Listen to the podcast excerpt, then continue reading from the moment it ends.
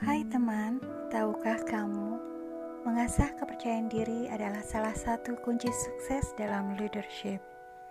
Jika kita mengandaikan bahwa kepercayaan diri adalah sebuah batang baja yang berpenampang bulat yang dipersiapkan untuk menjadi pedang, maka tidaklah dapat pedang itu hanya dapat dipanaskan saja untuk menjadi lebih tajam. Untuk menjadi tajam, bentuk baja pipih dengan tepian yang menipis ini tetap harus diasah dan memakai kerinda atau batu asah.